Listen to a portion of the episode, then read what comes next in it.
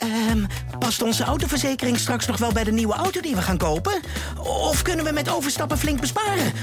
Genoeg van het stemmetje in je hoofd? Even Independeren. Daar word je altijd wijzer van. Vergelijk nu en bespaar. Welkom bij Independer. Ja, op het moment dat wij uh, dit opnemen, wat je weet nooit mijn podcast wanneer mensen het luisteren. Uh, dat kan weer uh, heel veel verder zijn in de tijd. maar nu zitten we een paar weken voor de verkiezingen hè, van november 23 en zijn de campagnes bezig. Volg je die een beetje? Ja, ja. En nou viel mij op, er zijn er geloof ik meer wel die zoiets zeggen, maar bijvoorbeeld Dylan Jezilgus, die zegt dan als er wordt gevraagd om ja, terug te blikken op dingen die niet goed zijn gegaan. Bijvoorbeeld in het Rutte-tijdperk. Zegt ze, ja, maar mensen zitten er helemaal niet op te wachten dat we de hele tijd maar terugkijken. Die willen vooral horen hoe we nu problemen gaan oplossen. Ja. En ik moest bij die zin aan jou denken kan me wel wat me voorstellen, ja, dat je daarover uh, over moest uh, aan mij denken. Omdat ik natuurlijk de hele tijd uh, vertel, het is van belang om terug te kijken. En ik denk ook eigenlijk dat die zaken elkaar ook helemaal niet uit hoeven te sluiten. Ik denk niet, zeg maar, dat terugblikken het oplossen van problemen uitsluit. Sterker nog, ik denk dat het het oplossen van problemen heel erg kan vergemakkelijken. Hallo, fijn dat je luistert naar Stuurloos, waarin we het hebben over hoe we Nederlanders een beter bestuur kunnen krijgen. Mijn naam is Gustav Bessems en in deze podcast bij de Volkskrant spreek ik mensen die daarover ons denken verder kunnen helpen. Deze keer Sharon Stellaert. Ze werkte 20 jaar in de jeugdzorg, maar ze merkte steeds dat wat zij en haar collega's probeerden met alle goede bedoelingen de situatie niet beter maakte. Ze besloot te promoveren op de vraag waarom. En dat leidde tot een ontluisterende conclusie.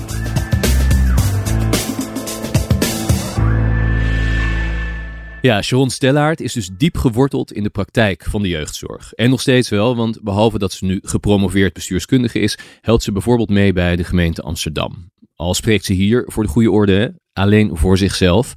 Maar het is wel een intrigerende combinatie en die heeft ze altijd gehad. Doen en erboven hangen, analyseren. En de ontdekkingen die ze heeft gedaan, die gaan verder dan de jeugdzorg en passend onderwijs, haar onderzoeksterreinen. Die draaien om de vraag, hoe kan het dat we steeds maar weer hetzelfde proberen, ook al levert het geen resultaat op? En hoe doorbreken we dat?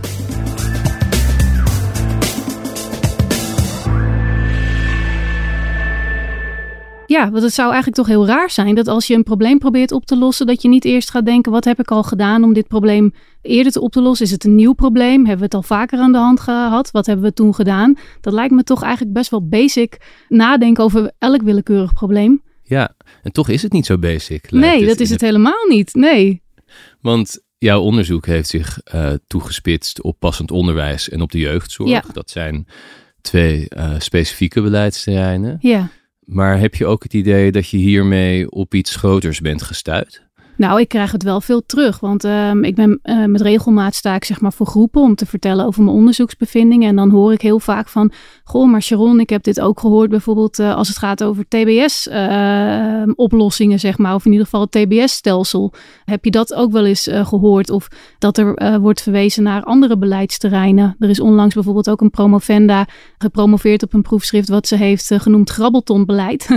nou ja, dat gaat ook niet over jeugdzorg en over passend onderwijs, maar ook over een hele lange tijdsdimensie waarin zij waarneemt dat de overheid eigenlijk vrij ad hoc reageert op problemen, zonder eigenlijk goede analyses te maken over wat hebben we eigenlijk hier aan de hand en hoe zou je daar nou het beste op kunnen reageren. Ja, want als die mensen tegen jou zeggen, goh, dit kennen we ook van een ander beleidsterrein. Ja. Als je dat dit zou moeten specificeren, wat is dat dan precies? Nou ja, ik denk dit bevat onder andere eigenlijk niet korter terugkijken dan één uh, regeringsperiode of dan één voorgaande wet. Niet dat langer, is, denk ik. Ja, precies. Ja, ja, ja. Zodat je niet langer terugkijkt eigenlijk dan naar de vorige stelselwijziging of naar de vorige hervorming. Uh, dat is er onderdeel van. Uh, dan ook zeg maar het instrumentarium wat je daarop inzet. Is dat wellicht al eerder ingezet? Wat waren daar de bevindingen van? En hoe uh, heeft dat zich over tijd nu ontwikkeld? En ja, als je dat eigenlijk buiten beschouwing laat, loop je een groot risico dat, dat je iets gaat inzetten wat al een keer gebeurd is. Ja.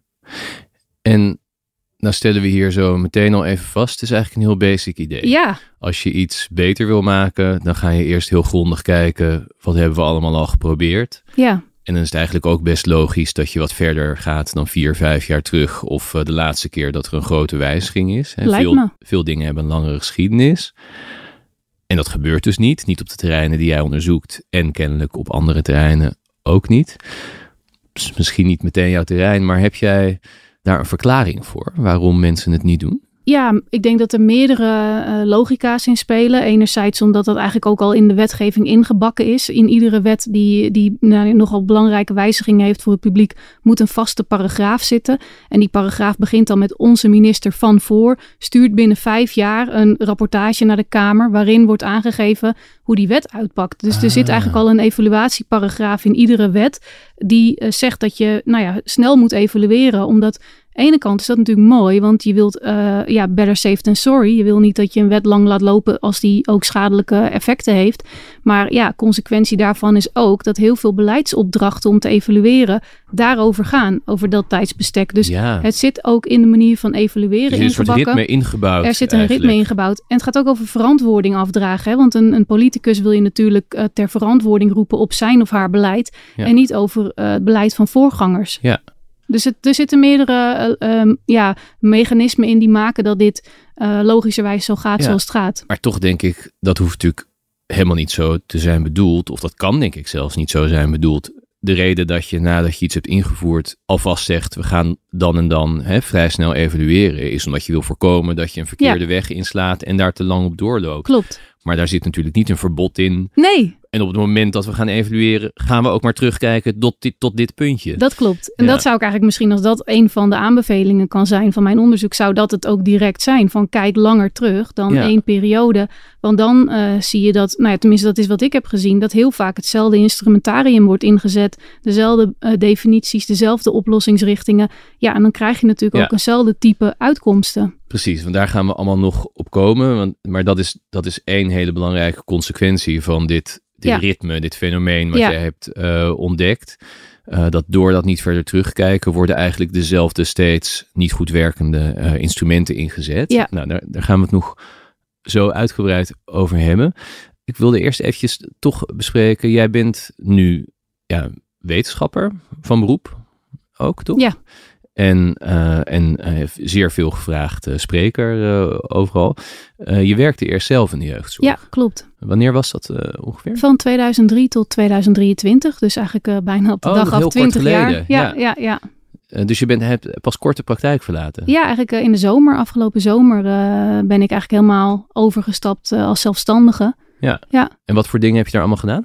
Uh, nou, ik ben begonnen als uh, uh, hulpverlener zeg maar, in een residentiële crisisopvang. Dus dat was echt een soort ja, opvanghuis waar jeugdigen werden gebracht door plaatsers met de vraag: ja, kunnen jullie hem of haar een tijdje opvangen en dan kijken of adviseren wat een goede vervolgplek zou zijn? Of als er iemand zat te wachten op vervolgplekken, dat wij die jeugdigen dan nou ja, zes of twaalf weken opnamen. Dus daar ben ik begonnen. Ja, een crisisopvang? Ja, een crisisopvang. Dat, is, dat klinkt alsof er dan thuis echt acuut iets aan de hand is. Waardoor ja. men vond dat die jongeren daar niet konden blijven. Ja, maar ook wel omdat er uh, nergens anders plek is. Okay. En dat je dan een soort uh, ja, tijdelijke uh, plek bent waar iemand Ja. heel even kan verblijven. Omdat op de plek waar, waar die eigenlijk, eh, nou ja, waarvan men denkt dat het de beste plek is, daar is een wachtlijst. Ja, dus dat was eigenlijk van alles en nog wat Ja, door elkaar dan. Je klopt. kon inderdaad iemand hebben die in een hele schrijnende situatie Ja. thuis zat. Maar je was ook een soort overloopplek. Van alles en nog wat. Ja, en die jongeren, wat deed jij daar dan mee?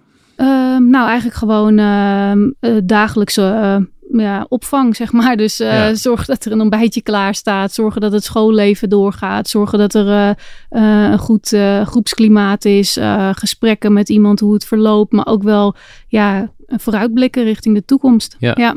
Hoe vond je dat?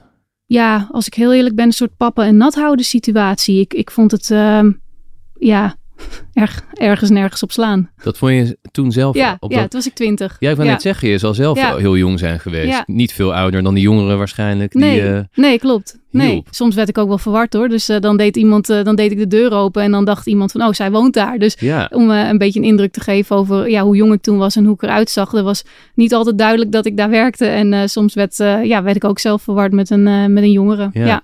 En waarom dacht je op je twintigste al, dit is pappen en nat houden? Nou, om verschillende redenen. Wij waren dan een, eh, een, een crisisobservatiecentrum. Dus dan moest je een observatie gaan doen over een advies waar die jeugdige dan het beste op zijn of haar plek zou zijn. Maar je kende de thuissituatie niet. Je bent daar nooit geweest. Hè? Je krijgt een jeugdige eigenlijk gewoon binnen en je kent zijn ouders niet, je kent zijn school niet, je kent zijn hele uh, omgeving eigenlijk helemaal niet. ja, dan wordt verondersteld dat je daar eh, iets zinnigs over kunt observeren. Maar ook wat is dan de invloed van die groep op Ja. wat je ziet? Want dus- je ziet die jongeren in een hele specifieke ja, situatie. Ja, met hele specifieke andere kinderen die al, ook allemaal in een ingewikkelde situatie verblijven. Nou, en dan eh, was het En ook dat nog... zal niet altijd een goede uitwerking op ze hebben gehad, Nee, nee, nee, dat, dat, was, dat was ook zo. Want dan, eh, soms hadden we kindjes van 12 en eh, ja, jongens van 17 die dan ook flink aan het blowen waren. En dan had je die kleine kabouters er ook tussen lopen. Dus ja, dat was je dagelijkse situatie. Ja, en deelde je dat gevoel met collega's? Nou, ik merkte wel dat ik misschien iets meer dan anderen dit soort, nou ja, kritische kanttekeningen of vragen had. Ik merkte toch dat het wel redelijk normaal werd gevonden wat we deden. Ja. Oké. En ha- had je echt bewust gekozen voor dit werk? Of? Ik wilde heel bewust wel de jeugdhulpverlening. En Ja, dat ja. sprak me altijd wel heel erg aan, zeg maar. eh, ja. Dus je had er een ander beeld bij. eh. Nou, ik, ik weet niet of ik er een ander beeld bij had, maar toen ik daar eenmaal werkte, dacht ik wel van wat is hier de zin van? Dus meer gewoon in het algemeen van wat is nou de zin van kinderen uit hun situatie halen en dan, ja, dan moet je iets gaan observeren. Maar wat ben je dan eigenlijk aan het observeren? Maar ook wat ga je dan adviseren? Want 9 van de 10 keer waarvan je dacht dat zou helpend kunnen zijn, daar was dan soms wel een jaar wachtlijst. Dus ja, het was de hele tijd bij mij een vraagteken boven mijn hoofd. Wat is nou de zin van wat wij hier aan het doen zijn? Ja. En anderen deden dat misschien wat meer gewoon? Ja, dat is, was wel mijn indruk. verwacht van wat je... Ja. Wat is dat dan in jou, denk je, dat je dan meteen denkt van... eh, wat ben ik hier eigenlijk aan het doen en waar slaat het op? Geen idee. Een beetje aard van het beestje, denk ik. Ja. Ja, maar is dat zomaar vanzelf, de aard van het beestje? Ja, geen, ja ik, weet- ik kan er niet een andere verklaring voor geven. Nee, dat, Nee. nee. Nou ja, je bent dus kennelijk iemand die meteen een analytische blik Ja, eh, ook. Of die ja er een beetje boven wel. gaat hangen. Ja, ik vraag me dan wel veel dingen af, ja. Ja. Maar je bent nog heel lang gebleven bij jeugdzorg. Dat heb je Ja, allemaal daarna nog gedaan. Nou, omdat ik altijd wel kon doorontwikkelen. Dus het was ook wel zo dat die eigenschap in mij ook wel als positief werd eh, gezien. Dus ik eh, ben daarna ben ik dan op een afdeling gaan werken. Dat heette dan ehm onderwijshulpverlening. Omdat ik dacht, nou ja, als je iets met kinderen doet en ontwikkeling en hun onderwijs en een stabiele plek. Dat klonk mij al zinvoller in mijn oren, zeg maar, Ah, dan ja. wat ik daarvoor deed. Dus je- daar... dus je maakte ook wel kenbaar wat je ervan dacht. Ja. En dan kreeg je ook wel de kans om Ja. op andere plekken Ja, daar misschien wat mee te doen. Ja, interne mogelijkheden en doorgroeien, dat is altijd wel geweest. Want anders dan Ja. had ik ook nooit zo lang eh, gebleven. Dus er was altijd ruimte eh, voor verandering en ontwikkeling en verbetering. In ieder geval was dat iets waarvoor ik wel heel veel ruimte kreeg en ook ruimte nam. En zo is dat traject verder gegaan? Ja, ja, ja, want toen zat ik daar, zeg maar op die afdeling. En toen had ik natuurlijk weer hetzelfde. Toen dacht ik weer van ja, dat is eigenlijk wel merkwaardig dat we dan zo'n clubje na schooltijd opvangen. En waarom doen we dan niet iets in die school? En waarom pas als het, nou ja, zo laat eh, dreigt mis te gaan? En, en toen had ik ook weer dat idee van, zit ik hier na schooltijd? Maar en de invloed van die mentor dan en de klas dan? En hoe zit dat dan? Ja. Dus toen ben ik met de gemeente eh, Almere samen een heel eh, preventief project begonnen. Waarin wij veel meer richting de scholen zelf gingen. Nou, dat ook weer een tijdje gedaan. Nou, en, en zo bleef dat eigenlijk steeds eh, doorgaan met die vraag van Ja. hoe kan dit beter of anders? Voelde dat bijvoorbeeld dan zinvoller? Als je dan met zo'n preventief project bezig was binnen scholen? Om, om te proberen te voorkomen misschien? Dat het Aan het begin wel, aan het begin wel, maar dat, dat hield dan ook weer op. Zeg maar. Op een gegeven moment dacht ik weer van, eh, wat, wat zeg maar, het idee was aanvankelijk van als je er dan eerder bij bent, tenminste dat is echt, echt een beleidsparadigma wat Ja. je iedereen hoort zeggen, als je er eerder bij bent en je bent meer in de context en je bent eh, sneller, dan kun je heel veel Ja. voorkomen. Klinkt wat- ook logisch. Het klinkt zeker logisch, maar wat ik eigenlijk in de werkelijkheid zag gebeuren, was dat wij in ieder geval een hele nieuwe doelgroep eh aanboorden, maar dat die oude doelgroep helemaal niet afnam. Dus per saldo heb ik eigenlijk gewoon eh, het werkterrein verbreed, maar niet opgeleverd waarvan ik aanvankelijk dacht dat het zou opleveren. Ja. En dat besefte je toen ook, Ja. terwijl je het aan het doen was. Nou, niet, niet direct, want ik bedoel, ik was in het begin heel enthousiast en dan Ja. was ik echt wel zo'n eh, eh, voorvechter daarvoor. En ook wel van, nou, dit, dit zouden eigenlijk meer eh, gemeenten kunnen doen, moeten doen. Dus niet direct hoor, maar ik denk na een jaar of drie, vier dat ik dacht, ja, we, we hebben natuurlijk ideeën gehad en beloften, maar zie ik dat dan ook in de praktijk? En in de praktijk zag ik eigenlijk dat het en-en was. Dus niet of-of, maar en-en. Ja. En we deden de preventieve werkzaamheden, maar we bleven ook al die andere type behandelingen bieden. Ja. En die jongeren die dus echt in ernstige problemen kwamen. eh, wa- Waar moet je eigenlijk aan denken daarbij? Wanneer zijn het echt ernstige problemen? Ja, goede vraag. Ja, Nou Ja. ja, die jongeren waarvan je in het begin van je loopbaan dacht... ik ga voorkomen dat ze hier terechtkomen. Waar Ja. hadden die mee te kampen? Ja, ehm, heel divers, maar vaak wel uh, toch wel schrijnende thuissituaties. Dus heel vaak ook heel ernstige conflicten tussen ouders en kinderen. Of, of kinderen die wegliepen. Huiselijk kinderen. geweld. Ook, maar ook wel kinderen waar ouders dan geen grip meer op hadden. Hè? Dus dat zij Oh, het idee hadden van, eh, ja, ik heb bijna geen invloed meer op mijn eh, zoon of dochter. En ze gaan hun eigen gang. Klassiek het verkeerde pad op. Zeg Ja, maar. ja, zou je kunnen zeggen, ja. En eigenlijk met dat vroeg erbij zijn lukte het niet om te voorkomen dat dat gebeurde.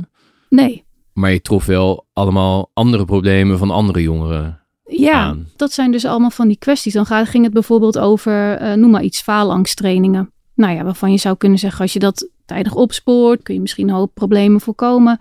Maar ook toen had ik weer het idee van, nou, dan heb ik bijvoorbeeld drie of vier kinderen eh, waarvan de leerkracht aangeeft, die kinderen moeten een training eh, gaan volgen. Maar als ik dan met die kinderen praat, zeggen ze, ja, maar er is zo'n sfeer in de klas dat we het ook mede door die sfeer in de klas heel spannend vinden om voor die groep te gaan staan. Ja, en dan denk ik, wat heeft het dan weer voor zin om die kinderen na schooltijd iets aan te leren als je niet iets doet in die context waarin dat plaatsvindt? Ja, dus eigenlijk bij elke volgende stap, die logisch volgde uit wat je daarvoor had Ja. gedaan, kwam toch weer een punt waarop je dacht, dit lost niet het oorspronkelijke probleem, waar je misschien eigenlijk op je twintigste al Ja. tegenaan was gelopen, op. Klopt.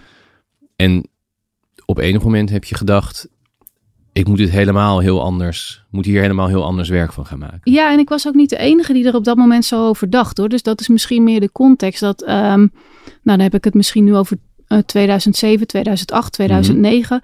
Toen was er al heel veel gaande in de jeugdzorg. Dus toen waren er al heel veel gesprekken over een ministerie van, programma ministerie van Jeugd en Gezin, centra voor jeugd en gezin.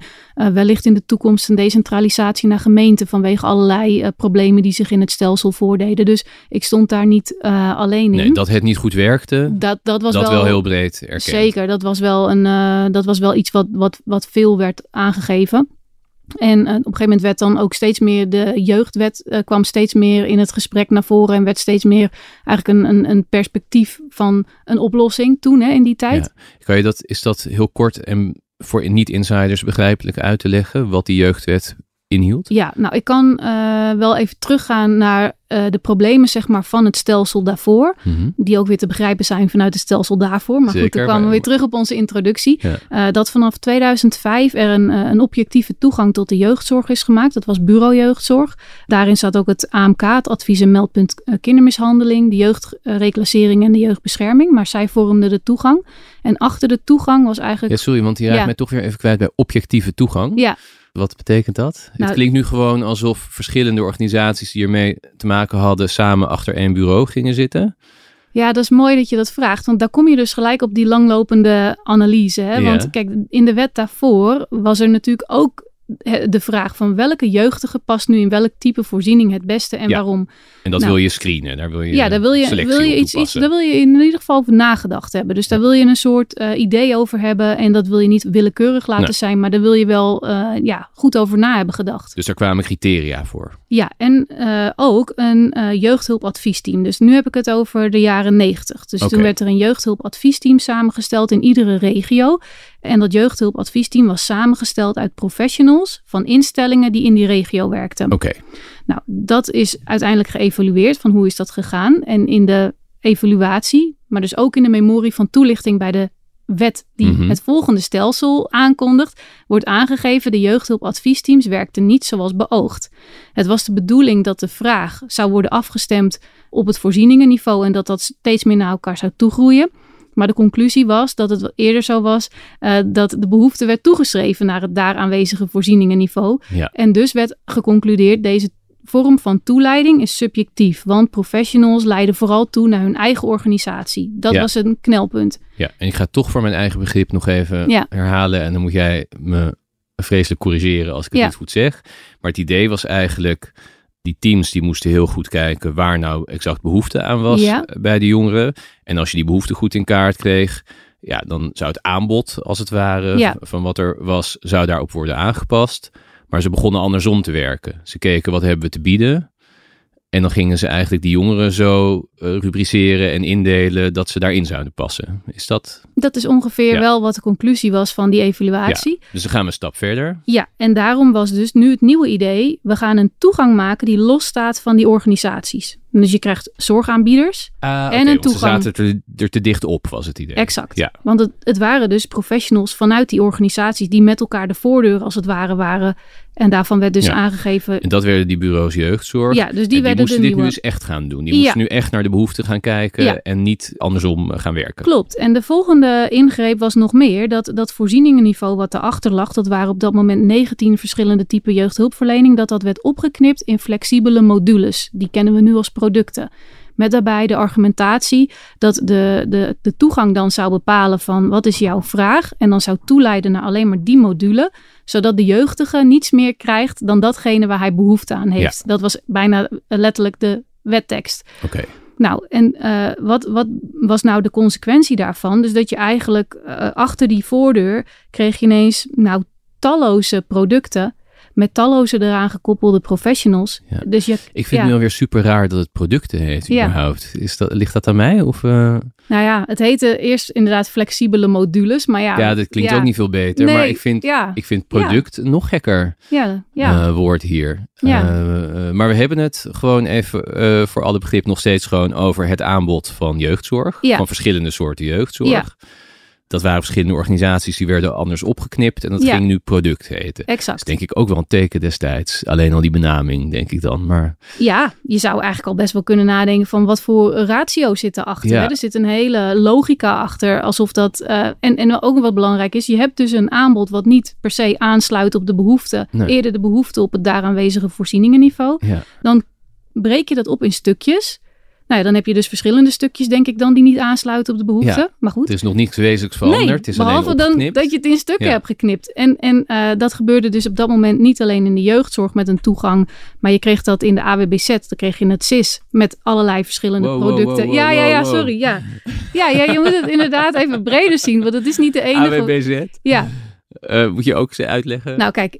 eh, ja, we, gaan misschien van een hak op de tak. Maar natuurlijk... dat geeft niet. dat- alleen ja. alleen eh, moeten we elk stapje Ja. even voor iedereen begrijpelijk nemen. Nou in die periode is het idee van marktwerking een beetje op zijn ideologische hoogtepunt. Ja, nou dat is een onderwerp wat in deze reeks al veel langs is gekomen. Marktwerking van de overheid komt hier eigenlijk op twee manieren langs. Het ene is het daadwerkelijk uitbesteden van dingen aan de markt. Hè? Dus de afstoten. Ja. Of semi-overheidsorganisaties op enige afstand. Ja, En het andere, en zo klinkt dit, is dat je marktmechanismen ja. probeert binnen te halen. Exact. En dat noemen ze hier dan vraagsturing. Ja. En, en vraagsturing is dus, je krijgt een, een toegangspoortje. Die gaat bepalen wat de vraag is. En die vraag stuurt dan wat je krijgt achter dat Ja. toegangspoortje. Ja. Maar ja, goed, daarvoor is het dus wel nodig dat je daar een, ja, een mechanisme voor maakt. En in het geval van de jeugdzorg, laat ik die dan even afmaken, was het dus zo dat al die, die voorzieningen die al reeds bestonden, werden opgedeeld in flexibele modules. Maar alleen al in het geval van jeugdzorg, stel nou jij bent een gezin met meerdere kinderen, krijg je voor ieder kind een product en een professional. Alleen al binnen de jeugdzorg. Ja. Nou, combineer dat met dat je dat dus ook in het speciaal onderwijs deed. Daar had je een regionaal expertisecentrum en daarachter een rugzakje met een professional erin.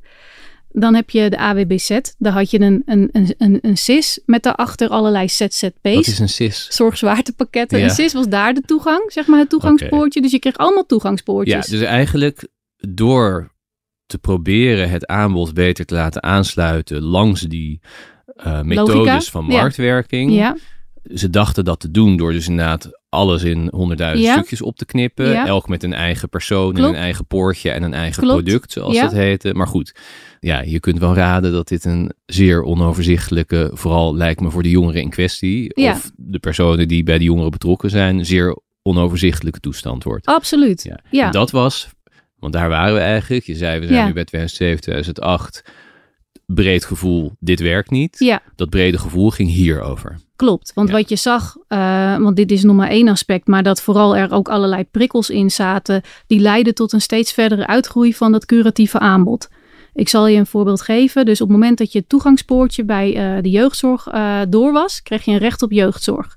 En de eh, provincie die daarvoor verantwoordelijk was, kreeg een bekostigingsplicht, zodat je binnen een redelijke termijn kon worden geholpen, want je had er immers recht op. Ja. Nou, als je dan dus acht kinderen op je wachtlijst had, betekende dat eigenlijk dat je wachtlijstgelden kon aanvragen, waardoor je een nieuwe groep kon openen.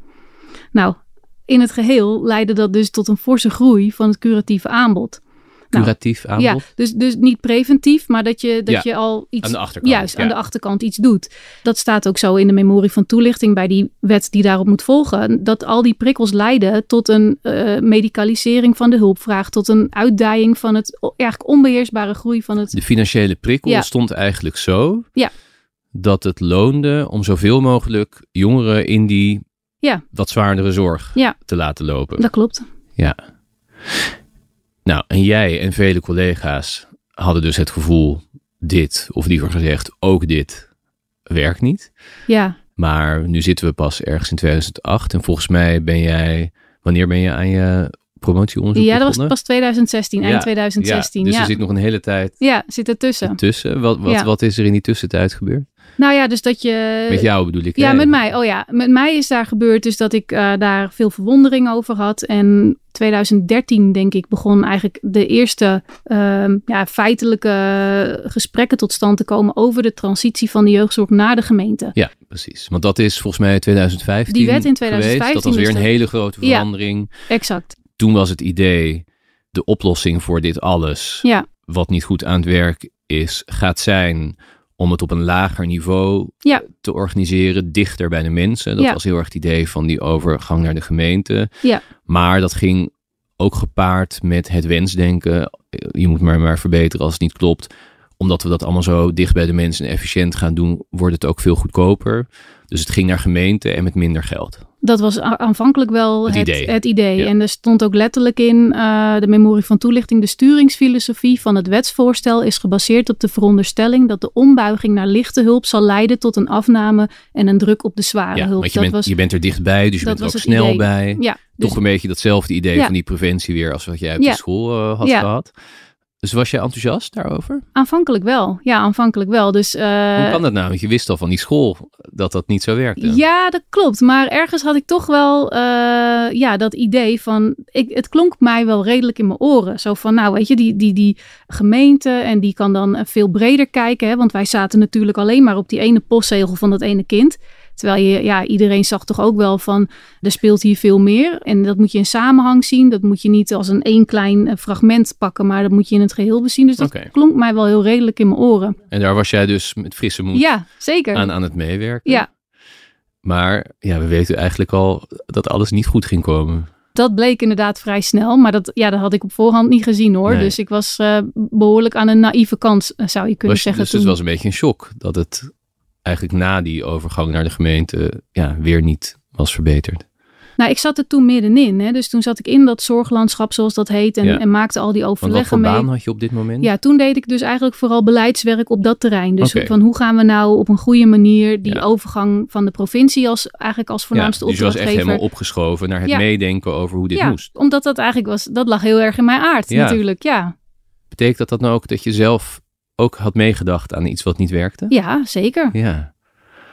Ja. Dus dat is ook wel, dat kan me voorstellen dat puur de psychologie daarvan, dat het ook even tijd kost om je dat te realiseren. Nog los, dus voordat je het je feitelijk realiseert, Ja. moet je dat natuurlijk ook even tot je laten doordringen, denk ik. Ja, maar ik hoop eigenlijk wel dat, dat eh, nou ja, als er luisteraars moeilijk? zijn, nee. Want ik denk van ja, dat, dat is dan toch ook weer voortschrijdend inzicht. Van ik vind het niet eh, zo erg om te zeggen, god, dat hebben we toch niet goed gezien. Of eh, ik heb het niet goed gezien. Of ik heb er toen niet goed over nagedacht. Of ik heb eigenlijk veel te weinig bronnen geraadpleegd. Zo kijk ik nu ook naar mezelf. Van Ja. ben ik toen eigenlijk wel kritisch geweest? En hoe kwam dat dan als ik onvoldoende kritisch was? Wat, hoe, hoe zag die context eruit? Ik denk als we elkaar dat meer kunnen vragen, kunnen we dit soort dingen nee, misschien... zeker. Ja. Maar ik probeer me gewoon even dat moment zelf voor te Ja. stellen. En, maar goed, nogmaals, het kan heel goed Ja. dat jouw hoofd heel anders werkt. Ik kan me toch voorstellen, dat als je ergens lang aan hebt gewerkt, het is altijd even hard om dan te denken, oh, waar ik heel hard aan heb gewerkt en voor geijverd heb, daar zie ik nu vrij snel van dat het niet gaat. Of kan jij die knop dan zo... Nou ja, bij mij was het meer van hoe zit dat dan? Ja, Dus, oké. en, Dus ja, jij bent meteen weer nieuwsgierig. Ja, ja, Ja. ja. Dus eh, ik zat toen ook eh, zeg maar als ehm, lid van een kenniskring bij een lectoraatsturing in de jeugdzorg. En toen kwamen er vanuit Zonnewee allerlei calls langs voor academische werkplaatsen. Ja, niemand weet wat zon en wee is. Sorry, dat is een, eigenlijk een financier van allerlei eh, onderzoek. Dus ook in de ja. gezondheidszorg en vooral ook zeg maar rondom de jeugdzorg. En die hadden toen mogelijkheden om onderzoek te gaan doen in academische werkplaatsen. Ja. En dat zijn dan werkplaatsen waarin beleid, maar ook praktijk en wetenschap dan met elkaar samenwerken om vraagstukken te onderzoeken. En toen dacht ik, ja, dat wil ik doen. Dan wil ik eigenlijk uh, onderzoek gaan doen naar dit vraagstuk. En dit vraagstuk is dan, hoe kan het dat we allerlei wetten opschrijven, maar dat het in de praktijk toch heel anders uitpakt? Ja. Ja, zo klinkt het eigenlijk bijna als een heel natuurlijk proces Ja. waar je dan uit bent gekomen van de allereerste, meest praktische praktijk, laten Ja. we zeggen, naar Ja. steeds meer naar de positie dat je zelf eigenlijk beleid mee aan het uitdenken was, naar, naar dat eigenlijk weer zien spaak lopen. Ja. En nu dus nog dieper willen weten, hoe komt dit nou Ja. steeds? Ja. Hoe ben je dat aan gaan pakken? Hoe ben ik dat aangepakt? Nou, dan is natuurlijk wel heel veel hulp gekregen van mijn promotoren. Want ik ben helemaal niet opgeleid als bestuurskundige. En ik wilde het wel vanuit bestuurskunde aanvliegen. Want ik dacht, ja, dit heeft met beleid te maken. Dit heeft met wetgeving te maken. Dit Want je had ooit een opleiding gedaan Ja, ja, voor de jeugdzorg. ja klopt. Ja, ja. dus dat was eigenlijk helemaal mijn terrein niet. Dus dat was best wel eventjes eh, eh, ploegen. En eh, ja, heel veel gelezen. En eigenlijk vond ik het een fantastische literatuur en een feest van herkenning. Want je kwam nu eigenlijk vanaf een hele andere kant. kwam je je eigen vakgebied in. Dus hoe beleid en praktijk in de eh, wetenschap eh, worden benaderd. Ja. Ja, want had je een academische opleiding Ja, gehad? dat wel. Ja, Oh, dat wel, ja, ja ik had maatschappelijk werk en dienstverlening gestudeerd. En daarna een, een master in de, in de orthopedagogiek gedaan. Ja, Ah ja, dus het was gewoon een andere discipline. heel maar- anders. Ja. Ja.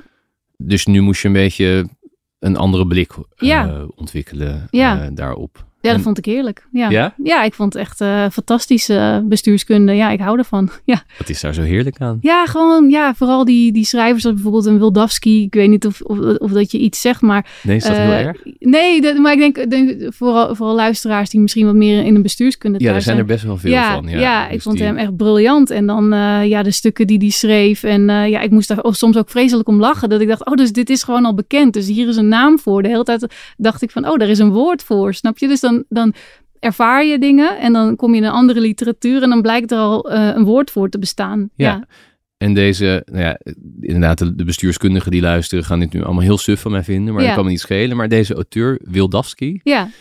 dat is dus kennelijk een soort standaard grote eh, Ja. naam. Maar denk je dat veel mensen die echt met pret lezen, schrijft hij heel grappig? Of, Ja, ik vind het persoonlijk wel heel grappig. Hij heeft bijvoorbeeld een, een titel van een boek. eh, ik weet niet precies te reproduceren, maar de strekking is van waarom het eigenlijk een wonder is dat ze in Oklahoma doen wat ze in Washington hebben bedacht. Z- Zoiets, ja, weet je wel? Van, van eh, waarom denken we eigenlijk dat het zo werkt? En als het zo werkt, is het eerder een wonder dan dat het echt eh, dat soort titels heeft. Die, ja, Ja, en voor mensen die, dit, die ons nu niet kunnen zien, eh, maar alleen kunnen horen, jij straalt helemaal ja, ik vind, als je ook, dit ja, ik vind, ik vind het ook echt heel leuk. Ja, vertelt. Ja. Dus je vindt het kennelijk ook gewoon heel fijn als dingen op... op zijn plek vallen. Ja. ja.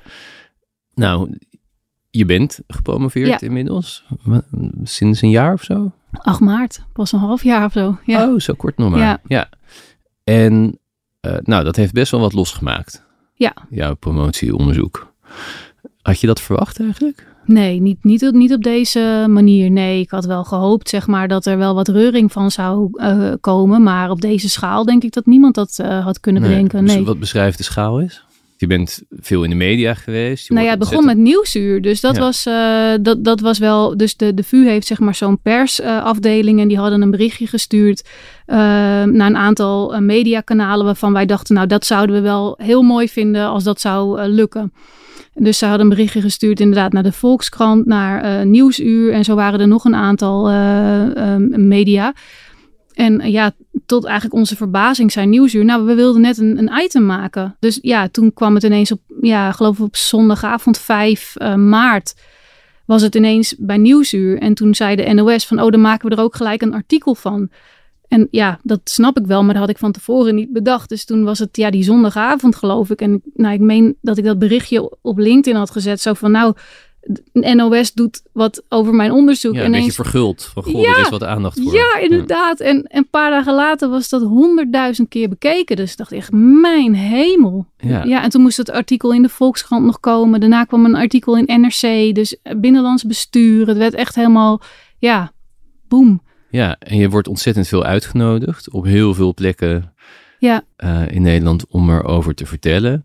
En nou ja, dat zal zeker te maken hebben met de timing die dan samenviel met zo'n hervorming. Maar het heeft natuurlijk ook te maken met je bevindingen en je conclusies. ja, Die eigenlijk, daar hadden we het in het begin al een beetje over, erop neerkomen dat je, eh, het zijn twee terreinen die je Ja. behandelt. Eh, op de een manier hebben we het altijd wat meer over de jeugdzorg. Ja, dat klopt. Ja, Maar het gaat ook over passend onderwijs. Nou, dat al zeker een halve eeuw eigenlijk je een herhalend Ja. patroon ziet van dezelfde oplossingen voor dezelfde problemen bedenken, Ja. proberen, merken dat het niet werkt en repeat Ja. eigenlijk. Is dit heel oneerbiedig nee, gezegd? ja, of- dat is, dat is wel een beetje de kern. ja.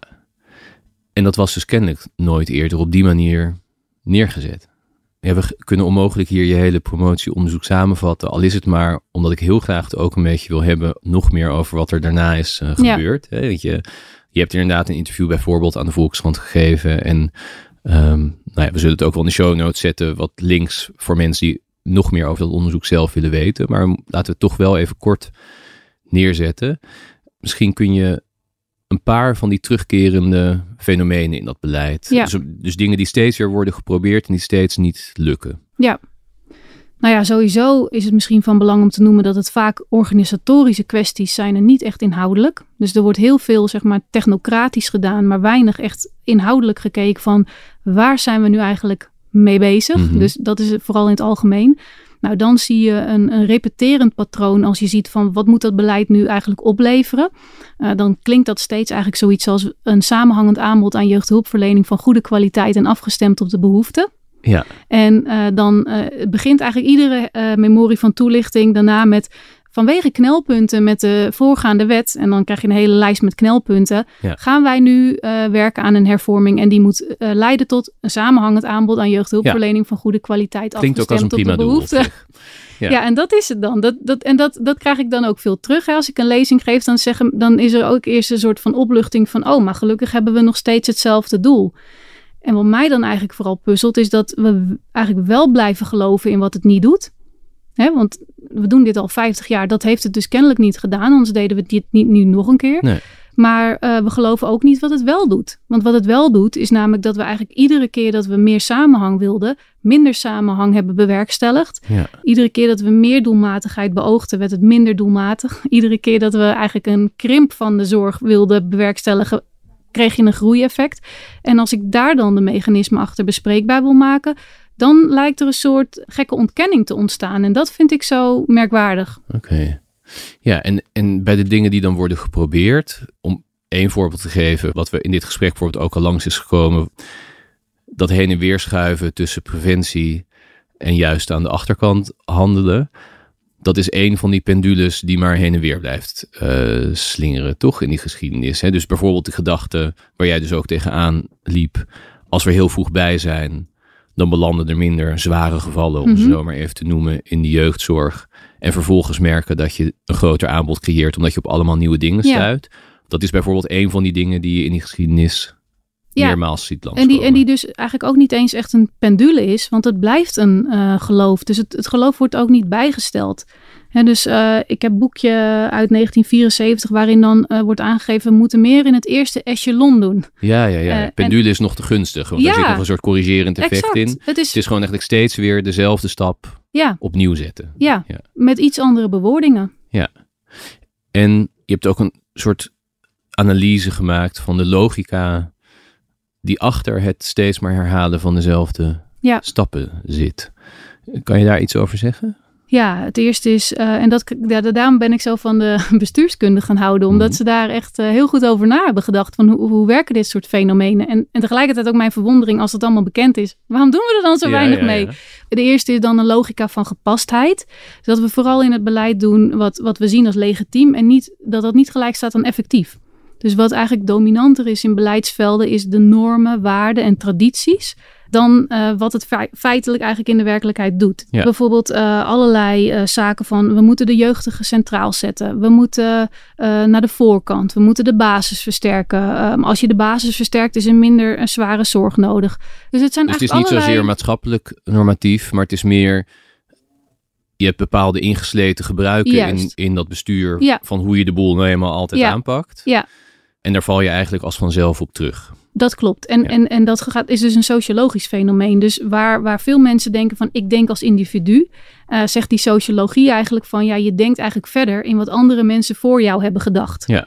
En binnen uh, beleidsvelden wordt zo'n verhaal dus eigenlijk steeds doorverteld, waardoor Ja. je met elkaar blijft Je zitten. denkt oprecht dat je ja, een hele zelf slimme denkt. oplossing Ja, zelf hebt verzonnen voor een heel specifiek probleem. Maar eigenlijk ben je onbewust hetzelfde aan het doen als wat Ja. jouw bestuurlijke stam, laten we Ja. zeggen, altijd al eh, doet. ja. En zijn er meer van dat soort logica's waar mensen aan ten prooi vallen? Eh, nou ja, dat is wel een hele sterke, maar tegelijkertijd, ehm, en dat is dan een tweede logica, die werkt daar eigenlijk ook op in, is dat er ook een heleboel eh, belangen gepaard gaan, zeg maar, met dat verhaal. Dus je hebt gebouwen, je hebt personeel, je hebt allerlei opleidingen, je hebt allerlei productieprocessen. Hè? Want ik heb net verteld dat er een heel productieproces is ontwikkeld. Dus daar heb je kosten in, daar heb je in geïnvesteerd. Dus je kunt dat niet zomaar van de een op de andere dag wegbedenken. Het is er gewoon. Eh, dus daar zul je rekening mee moeten houden. Organisaties krijgen vanzelf de neiging om zichzelf als organisatie in stand te willen houden. Ja, Ja, en wat heel menselijk is, Ja. want je bent ook gewoon Ja.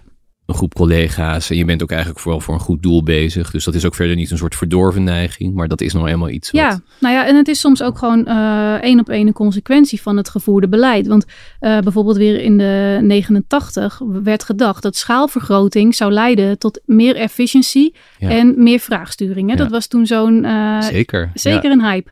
Maar op een moment, kijk, het is een soort wetmatigheid, dat hoe groter de schaal van de instelling, hoe groter de schaal van het belang van het behoud daarvan wordt.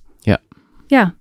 Dat is gewoon een wetmatigheid. dat is gewoon logisch. Ja. Ja, dus, dus, dus op het moment dat jij een grote eh, instelling hebt gecreëerd, ja, die heeft dan ook, nou, waarschijnlijk een grote vastgoedportefeuille, waarschijnlijk een groot medewerkersbestand, waarschijnlijk dit, waarschijnlijk dat. En eh, dat viel me op in jouw verhaal. Het maakt ook erg uit dus hoe die financiële prikkels staan. Ja. Je noemde net al even, ja, eigenlijk toch vrij pervers, dat het op enig moment in zo'n stelsel kan gaan lonen om meer zware gevallen te hebben. Maar zo zijn er volgens mij ook. Volgens mij is dat juist de laatste jaren, eh, wordt er weer gezegd van ja, de prikkels staan juist zo dat ernstige situaties proberen ze eigenlijk allemaal niet binnen te halen. En juist wel heel veel hè, in het kader van preventie eh, lichte Ja, de cherrypicking. ja, en jongeren waarvan dan volgens de staatssecretaris weer zegt van eh, ja, dat is eigenlijk wel heel niksig, hè, waar we nu allemaal mee Ja. bezig zijn. En ouders moeten die jongeren niet Ja. voor elk wisselwasje naar, de, naar de jeugdzorg brengen. Alleen, dat is waar die organisaties ook weer wordt, op worden afgerekend. Nou ja, ook weer zo'n geval. Die, hebben, die heeft de wetgever zelf in het leven geroepen. Dus dat bedoel ik. Ja. Van als je niet kijkt wat je eigen aandeel daarvan is. Kijk, als jij zegt de sturingsfilosofie van het wetsvoorstel is gebaseerd op de veronderstelling dat die hulp gaat leiden tot minder hulp van die kant. Ja. En het gebeurt niet, ja, dan heb je dat wel zelf in het leven Ja, geroepen. en moet je niet gek opkijken dat die organisaties dat ook gaan doen. Ja. En dus dat aanboren. Exact. Dus, En als je ziet dan eh, op een lange termijn dat dit kennelijk een patroon is, ja, dan denk ik, dan is het toch niet zo heel gek als ik zeg, daar kun je van leren. Nee. Dus dit is, ja, aan de ene kant zou je kunnen zeggen, hè, ja, je begon het gesprek met te zeggen, het is allemaal eigenlijk heel basic. Tegelijkertijd, ja, snap je ook wel dat het veel losmaakt, want het heeft natuurlijk ook iets schokkends, denk ik. Om deze realisatie te hebben van we zijn al zo lang dezelfde dingen aan het doen. Ook omdat het natuurlijk, we praten er nu ook, merk ik vanzelf een beetje losjes over. Hè? Lichte gevallen, zware gevallen, weet ik veel. Maar het zijn natuurlijk menselijke drama's Ja, in heel veel gevallen waar het over gaat. Ja. We hebben het over uithuisplaatsingen, onder andere bijvoorbeeld, om Ja. een hele dramatische eh, situatie eh, te noemen. Volgens mij hebben we die heel veel eh, in Nederland. Dat maakt natuurlijk extra schokkend. Het is niet alleen maar van, oh wat onhandig van ons, we zijn al zo lang eh, op dezelfde manier bezig, maar ook op een, op een gebied Ja. waar het allemaal er ernstig aan toe gaat. En dat is wel mooi dat je daarover begint, want dat is ook de reden waarom ik me er zo enorm over opwind. En Ja. waarom ik ook eh, probeer om die bevindingen zo breed te delen, omdat ik nu opnieuw zie eigenlijk dat er heel veel aandacht gaat naar organisatorische kwesties. Om je iets te noemen, welk eh, type aanbod moet nu straks verplicht worden ingekocht in gemeenschappelijke regelingen en hoe gaan we de rijkwijde van de wet inperken? Nou, allemaal super technisch en instrumenteel. ja. Maar de vraag, wat doet het nu eigenlijk met die kinderen? Wat doet het met die gezinnen?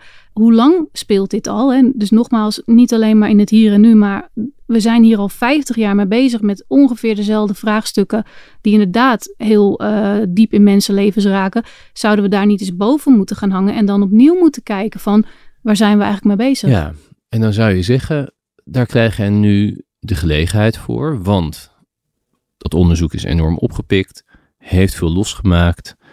Nou, volgens mij kan je, als je wil, elke dag ergens erover eh, komen vertellen, toch? Ja, het zijn toch wel die partijen die zich nu bezighouden met Ja. de ontwikkelingen. Dus dat zijn jeugdhulpregio's vooral. Hè. Dus dat zijn de samenwerkende gemeenten die bezig zijn met. Maar het zijn ook de aanbieders. Hè. Dus dan, dan heb je natuurlijk ook brancheverenigingen die eh, graag willen horen over de bevindingen. Inspectie wilde graag eh, meer van weten. Ja, eh, ook wel cliëntenverenigingen die zeggen van... hé, hey, wat, wat heb je nu eigenlijk precies in kaart gebracht? En aan de kant van het onderwijs ook het ministerie en de brancheverenigingen. Dus het is eigenlijk, ja, eigenlijk de actoren in de beleidsvelden Ja. zou je kunnen zeggen. En heb je het idee dat het iets in beweging zet? Ja, Het is heel lastig om nu nog te zeggen. Ik kan dat heel moeilijk inschatten. En dat is oprecht. Ik kan het echt heel lastig inschatten. Maar ik denk wel dat het eh, bijdraagt aan bewustwording. Ik denk wel dat het bijdraagt aan dat het normaler wordt om de vraag te stellen: hoe lang hebben we dit nou eigenlijk al? Hoe lang proberen we dit nu al? En eh, zouden we er eens niet anders naar kunnen kijken? En dat is ook wel jouw indruk als je ergens bent geweest. Van nou, dat nemen ze er in elk geval wel van mee. Ja, dat hangt er echt heel erg van af. Dat is, dat is denk ik ook nog te vroeg om te zeggen, misschien. Of wisselt dat per keer? Dat, wis, dat wisselt per keer, ja. Ja. Denk je ook wel eens, ik heb het allemaal gezegd, maar het was het ene oor in, andere oor uit? Ja. En ergens snap ik dat ook wel. Want soms zien mensen niet eens meer dat iets een overtuiging is, maar is gewoon deel geworden van hun identiteit. Mhm. En als je dan zo iemand hebt die dan zegt, ja, maar dit doen we al de hele tijd. Ik, ik kan me voorstellen dat het weerstand oproept. Ik kan me voorstellen dat het ook irritatie oproept. Ja, ik kan me dat, ik kan me dat allemaal goed voorstellen. Ja, en soms misschien ook wel, ik weet helemaal niet of je dit herkent hoor, maar op heel ander vlak word ik nu ook wel eens gevraagd om her en der praatjes te houden. En eh, over hoe dingen anders zouden kunnen of beter. Nou ja, dat is bij mij natuurlijk allemaal heel erg afgeleide kennis. Hè? Ik doe dat een beetje op grond van wat ik in deze gesprekken en, en uit onderzoek, onderzoek ophaal. Ik heb soms ook wel eens het idee van, er is een heel circuit waarin men het best leuk en interessant vindt dat iemand iets scherps komt zeggen. Nou, zijn ze toch weer aardig aan het denken gezet voor die dag. Maar het is ook niet per se de bedoeling dat er daarna dan van alles mee gaat gebeuren. Of zeg jij van nou, dit is echt, dit herken ik totaal niet. Ja, dat herken ik zeker wel. En daarom denk ik ook van, ja, als het aan mij ligt, blijft dat daar niet bij. Nee. Het is niet dat er geen sociale problemen zijn. Sterker nog, je ziet ze gewoon bijna. eh, er is echt veel aan de hand in dit land. Want als jij zegt, er, is, er zijn veel sociale problemen Ja. aan de hand op dit moment, waar doe je dan? Nou ja, kijk bijvoorbeeld Albert-Jan Kruiter. Die heb jij hier ook in de, Ja. in de uitzending gehad. Die heeft heel eh, warm hart voor meer bestaanszekerheid. Ik denk dat dat inderdaad een heel belangrijk thema is. Waarvan iedereen ook wel onderkent dat dat zo is. Maar Ja. dat zie ik Er niks wordt van. zelfs bijna een beetje geklaagd, hè? Van, oh, Ja. het gaat er weer over in Ja. de verkiezingscampagne. Iedereen heeft maar dat over dat woord. Ja, maar iedereen heeft het misschien wel over dat woord. Maar ik zie er niets van terug in het beleid. Ik zie er niets van terug. Dus als het dan gaat over hoe wordt nu nagedacht over die hervorming van de jeugdzorg. En over de, over de inkoop en over hoe je dat moet organiseren. Nou echt 0,0.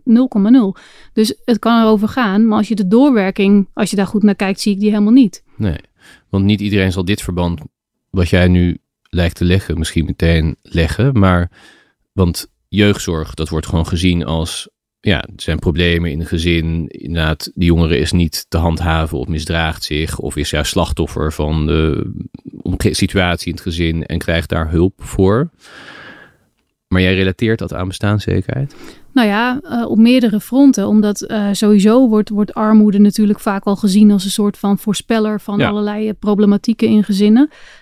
Maar het is denk ik ook logisch dat als jij dagelijks bezig bent met de volgende dag goed maken, dat je, dat je je druk maakt over hoe dat gaat. En Ja. ja, dat, het, het hangt met zoveel facetten samen. En wij zijn, eh, denk ik, dat ben ik met Albert-Jan eens, dat we vaak geneigd zijn om iets als een zorgprobleem te duiden.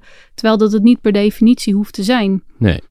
Hij gaf er ook een aantal voorbeelden van. Hè. Hij doet dat met eh, zijn Instituut voor Publieke Waarden. eh, staan ze onder andere dus huishoudens bij. Die worden gezien Ja. als huishoudens met heel veel problemen. Ja, En zij doen allerlei eh, ja, pogingen, onder andere met gemeenten en verzekeraars.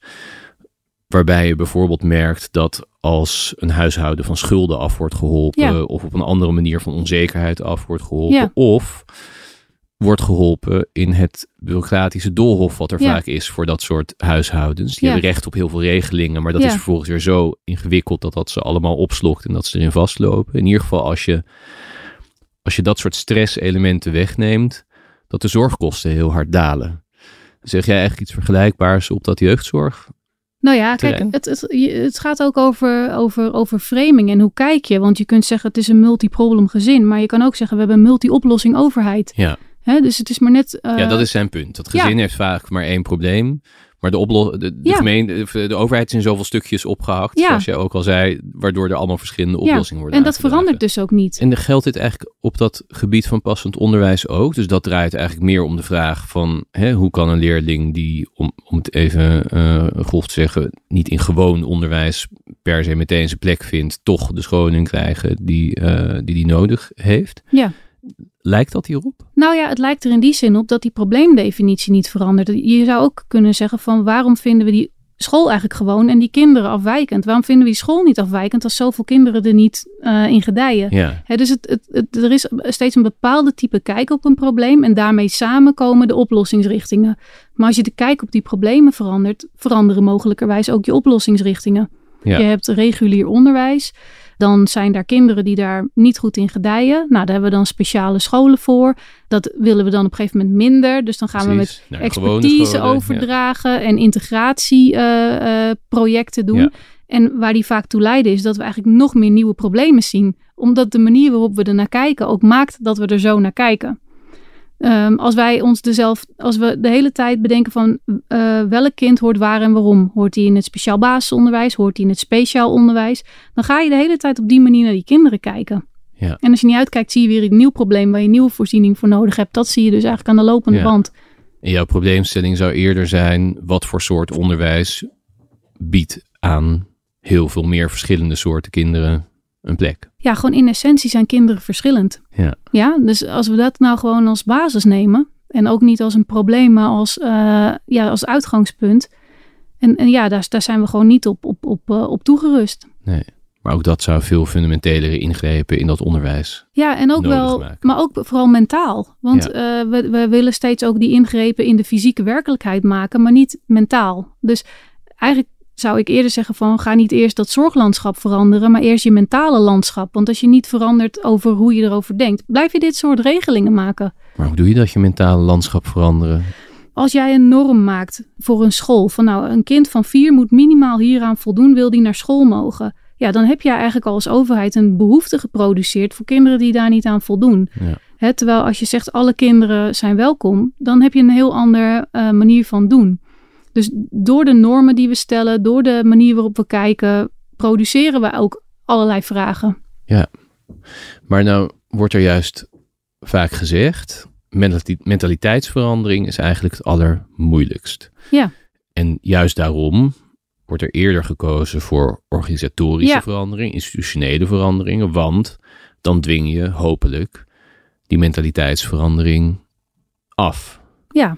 Nou, het, inmiddels ben je ja, Ik wou bestuurskundige. net zeggen, ja, want het- het- dat vind ik dus het mooie van die patronen. Dat Ja. kennelijk het niet zo werkt. Dus je kunt er ook hypotheses bij gaan stellen. En als je nou merkt dat die mentale eh, verandering veel moeilijker is, organiseer dan dan hulp daarop. Ja. Dus als je het onderkent en erkent, dan kun je er wat op organiseren. Maar als je doet of het er niet is, ja, dan eh, doe je dat niet. Maar dit vergt eigenlijk een veel hoger zelfbewustzijn van mensen die aan de knoppen zitten bij dit soort uiteindelijk wel beleidsproblemen. Ja. Want ja, je denkt dat je gewoon neutraal, rationeel, objectief naar problemen aan het kijken bent en ze met de best beschikbare kennis en middelen aan het oplossen bent. Ja, Maar dit zou bijna heel erg gaan inderdaad over van ja, met welke blik kijken we eigenlijk? ja, Daar breng je jezelf ook altijd in mee. ja. En als dat er mag zijn, dan ben je al, ben je al, ben- heb je al de helft gewonnen. Want nou, ik heb vier hypothesen tegen elkaar uitgespeeld. En in Mhm. ieder van die hypotheses is eigenlijk beleid als rationele machine zien naïef. Ja. Om vier verschillende redenen. Nou, en die heb ik alle vier kunnen bevestigen. Dus als, als wij het idee loslaten dat we rationele beleidsmakers zijn, maar dat we ook door normen, waarden, tradities worden gestuurd en door allerlei andere factoren, ja, dan kun je daar toch hopelijk mee werken. En dat hoop je eigenlijk in gang te zetten. Ja, en dat het dus ook niet meer raar is om te zeggen. Want ja, wat jij net ook al zei, van als je jezelf als instrument ziet, dan is het toch ook niet gek. Dat doen we toch in, in allerlei. eh, is het normaal om te zeggen, behalve nu? Nou, het is op heel veel plekken niet normaal om te Nee? zeggen, heb ik het idee. Werkplekken? Nee. Nee, volgens mij is de drempel best hoog. Nee, want je wilt denken dat je handelt op basis van je kennis, je expertise, je ervaring. En ook in mijn vak bijvoorbeeld in de journalistiek. Hè, daar is natuurlijk ook onafhankelijkheid en neutraliteit zijn Ja. daar waarden die hoog aangeschreven staan. Eh, dus het wordt, wordt best lastig als je, als je steeds maar moet denken, ja, maar hè, hoe komt het eigenlijk dat ik er zo naar kijk? Of in hoeverre ben ik eigenlijk dingen aan het doen die we altijd al zo deden? En past dat hier wel bij? Dat is toch niet iets makkelijks? Nou ja, aan de andere kant, je verwacht het toch ook van behandelaren. Stel nou eh, dat je naar het ziekenhuis gaat en je hebt een behandeling gehad. En dan nog een behandeling en nog een behandeling en nog een behandeling. En die behandelaar kijkt niet terug naar hoe die behandelingen zijn verlopen en wat het met jouw lichaam heeft gedaan. Dat zou je toch heel raar vinden? Dat zou je raar vinden. Ja. En ja, dit, dit valt buiten het bestek van dit gesprek. Maar ik denk dat er nu kritische beschouwers van de zorg luisteren die hier dit patroon ook herkennen. Dat zou kunnen, maar En dat het ook daar bijvoorbeeld te maken heeft met pri- hoe prikkels staan. Dat er wel degelijk behandelingen worden aangeboden, soms te veel, te vaak en herhaald. Omdat dat binnen het systeem het beste past, zonder dat het misschien voor de patiënt het beste is. Dus ja, het is kennelijk heel moeilijk. ja, nou, ik hoop dat het makkelijker wordt.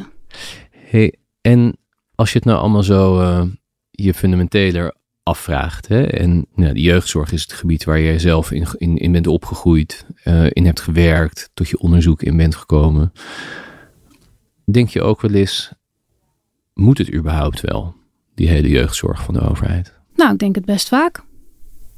Ja, zeker als ik zie wat het teweeg brengt. Hè. Dus, dus alleen al het simpele feit, als jij denkt, nou ja, laat ik het zo zeggen. Nu wordt vaak een uithuisplaatsing gelegitimeerd met het idee, eh, het kind wordt ernstig in de ontwikkeling bedreigd thuis. Nou, dat, dat kan iedereen niet mee dat dat onwenselijk is. Maar dan ben je door dat poortje heen en wat gebeurt er dan met je? Dus dan ga je van ehm, voorziening negen maanden naar volgende voorziening negen maanden. Je broertjes en zusjes kunnen nooit in dezelfde voorziening, dus die gaan dan ook zijn bij je weg. Dus, dus wat, wat dan eigenlijk het alternatief is van ons, hoe kritisch zijn we daarop? En eh, is dat niet zelf ook al een factor die helemaal niet eh, goed is voor kinderen? Dus, dus dat, dat soort kritische vragen bedoel ik. Eh, Ja. Dus waar, wat, waar leidt het nu uiteindelijk toe? Wat zijn de maatschappelijke opbrengsten voor die kinderen? Eh, hoe kijken ze terug op een, eh, een jeugd in de, in- de, in de jeugdzorg? Kijk, als ik daar naar kijk en ook alle rode draden van die evaluaties, gaat het er vaak om van ik heb onvoldoende stem gehad, er is onvoldoende naar me geluisterd, er is onvoldoende rekening met mij gehouden. Ehm, ik was vaak overgeleverd aan wat er dan op dat moment beschikbaar was. Dat lees niet- je terug Ja. eh, van jongeren die door die molen zijn Ja. gegaan. Ja, En dat is specifiek bij uithuisplaatsingen.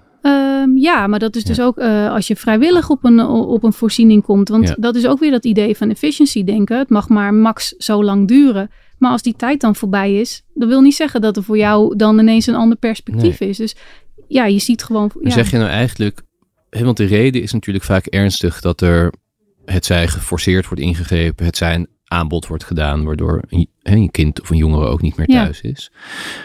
Zeg je nou eigenlijk, het is ook als ze weg zijn uit die wel degelijk problematische gezinssituatie, gewoon heel vaak niet beter of misschien wel erger?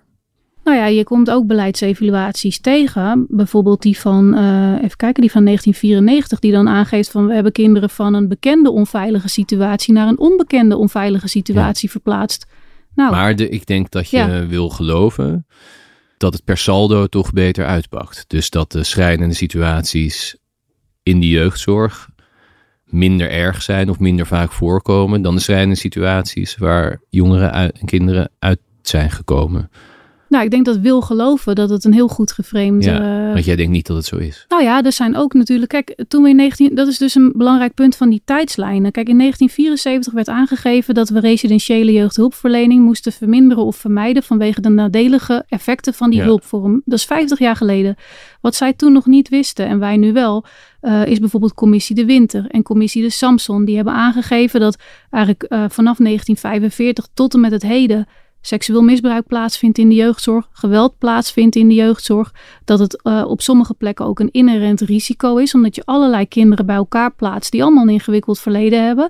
Dus daar is heel veel risico. Maar dat is helemaal niet zo gebruikelijk om te vertellen. Dat hoor je helemaal niet zo vaak, terwijl het Ja. wel degelijk eh, speelt. Ja.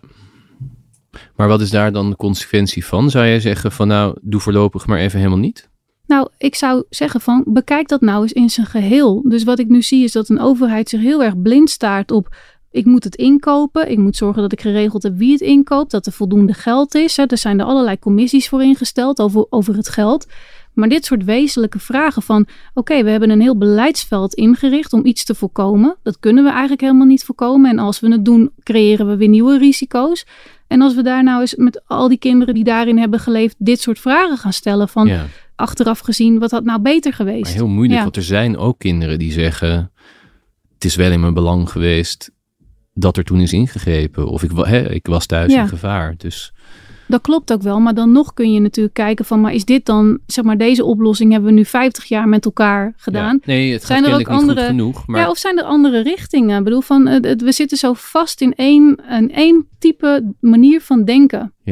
Nee, maar dat is duidelijk. Maar heb jij dan al één richting waarvan je denkt, nou, daar zit volgens mij iets fundamenteels waar we nu niet aan denken? Nou ja, in ieder geval wel dat, nou ja, dat beetje wat, wat, wat, wat eh, Albert Jan aan het doen is, dat, daar kan ik me voor een heel groot deel in vinden. Hè. Dus ga veel meer kijken naar zaken die helemaal niet, niet zorg hoeven zijn, maar die wij zorg maken. Ja, Ik denk dat dat heel wezenlijk is, maar ook wel om weer terug te gaan naar wat willen die jeugdigen dan eigenlijk? Want wij hebben dus eigenlijk een aanbod wat al 50 jaar niet goed aansluit op hun behoeften. En toch gaan we eh, heel eh, ja, rigide toch weer proberen datzelfde aanbod overeind kunnen te ook, houden. want het gaat om hele jonge mensen. En Ja. jonge mensen in hele ingewikkelde situaties.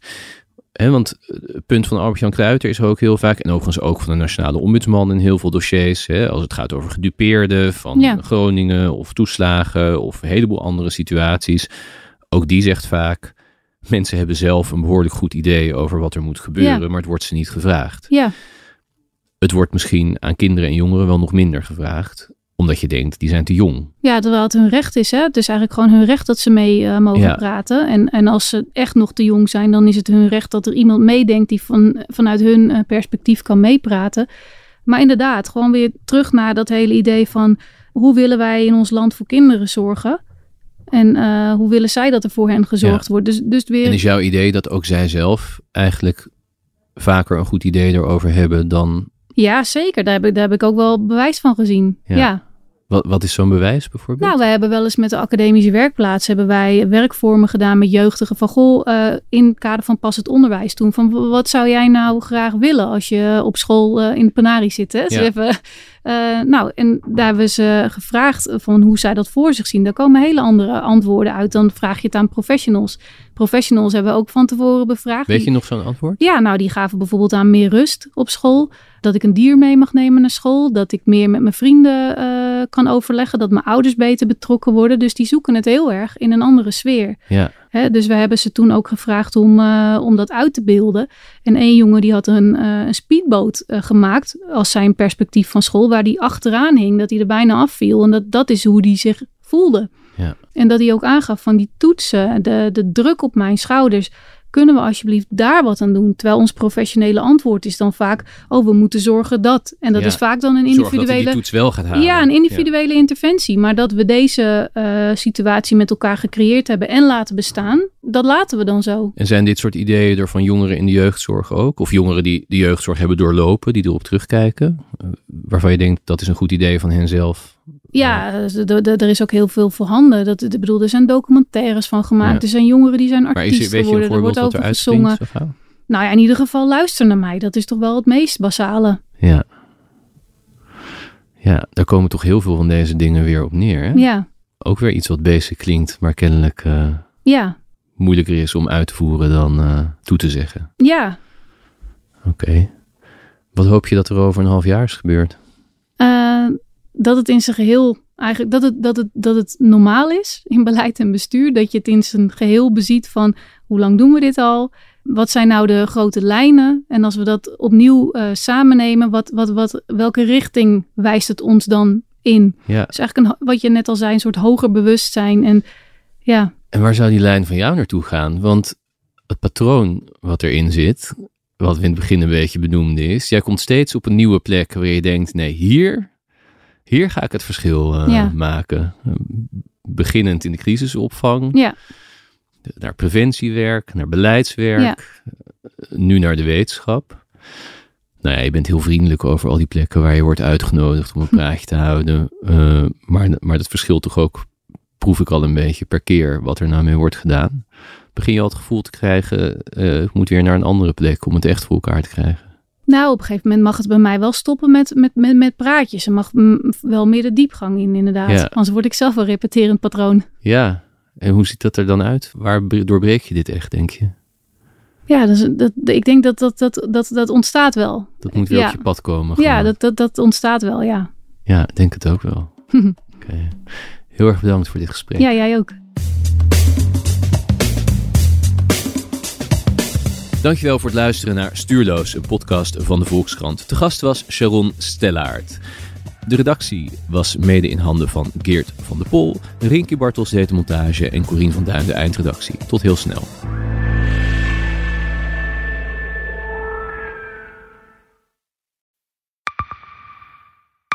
Zijn leven is overhoop gegooid. Plus dat heel veel mensen hem niet geloven. Vrienden niet, die, die denken, ja, hij is gewoon gek geworden. Hoe naar moet dat zijn? Als je vertelt over de meest indringende ervaringen uit jouw leven en niemand gelooft dat je het echt hebt meegemaakt. Ja, ik vind zelf niet dat ik het verzonnen heb, maar sommige mensen denken dat wel. Maar hoe kom je erachter of jij je doelwit bent van een geheime dienst? Ik heb ook wel eens meegemaakt dat je het idee hebt dat inlichtingdiensten in je geïnteresseerd zijn. En dan kun je wel heel veel zien, wat er misschien helemaal niet is. Als ik s'avonds nog iets ging eten, dan volgden die mensen mee naar het restaurant. En dan terug van het restaurant naar het hotel. Als zij op een gegeven moment zei, kijk maar uit, want anders word je dadelijk nog het voert ook.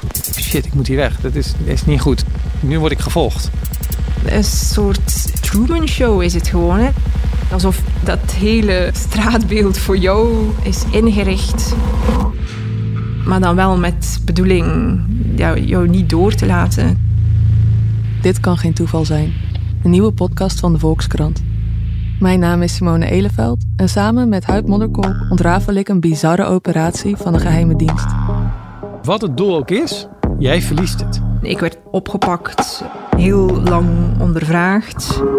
Maar hoe krijg je grip in een wereld die zo onderzichtig is? Als je zou liegen, dan zou je niet de meest relevante informatie twee jaar later tussen neus en lippen doorvertellen. Er zal nooit iemand zeggen: Oké, Bart, ik geloof je. Nooit, nooit. Dit kan geen toeval zijn. Vanaf 3 oktober bij de Volkskrant. Ik weet niet of ik ook alles kan vertellen. Het is echt te bizar. Wat? Um, ja. Ah, we rijden al jaren schadevrij en toch stijgt de premie van onze autoverzekering elk jaar weer. Kunnen we niet eens wat besparen? Genoeg van het stemmetje in je hoofd? Even Independeren. Daar word je altijd wijzer van. Vergelijk nu en bespaar. Welkom bij Independer.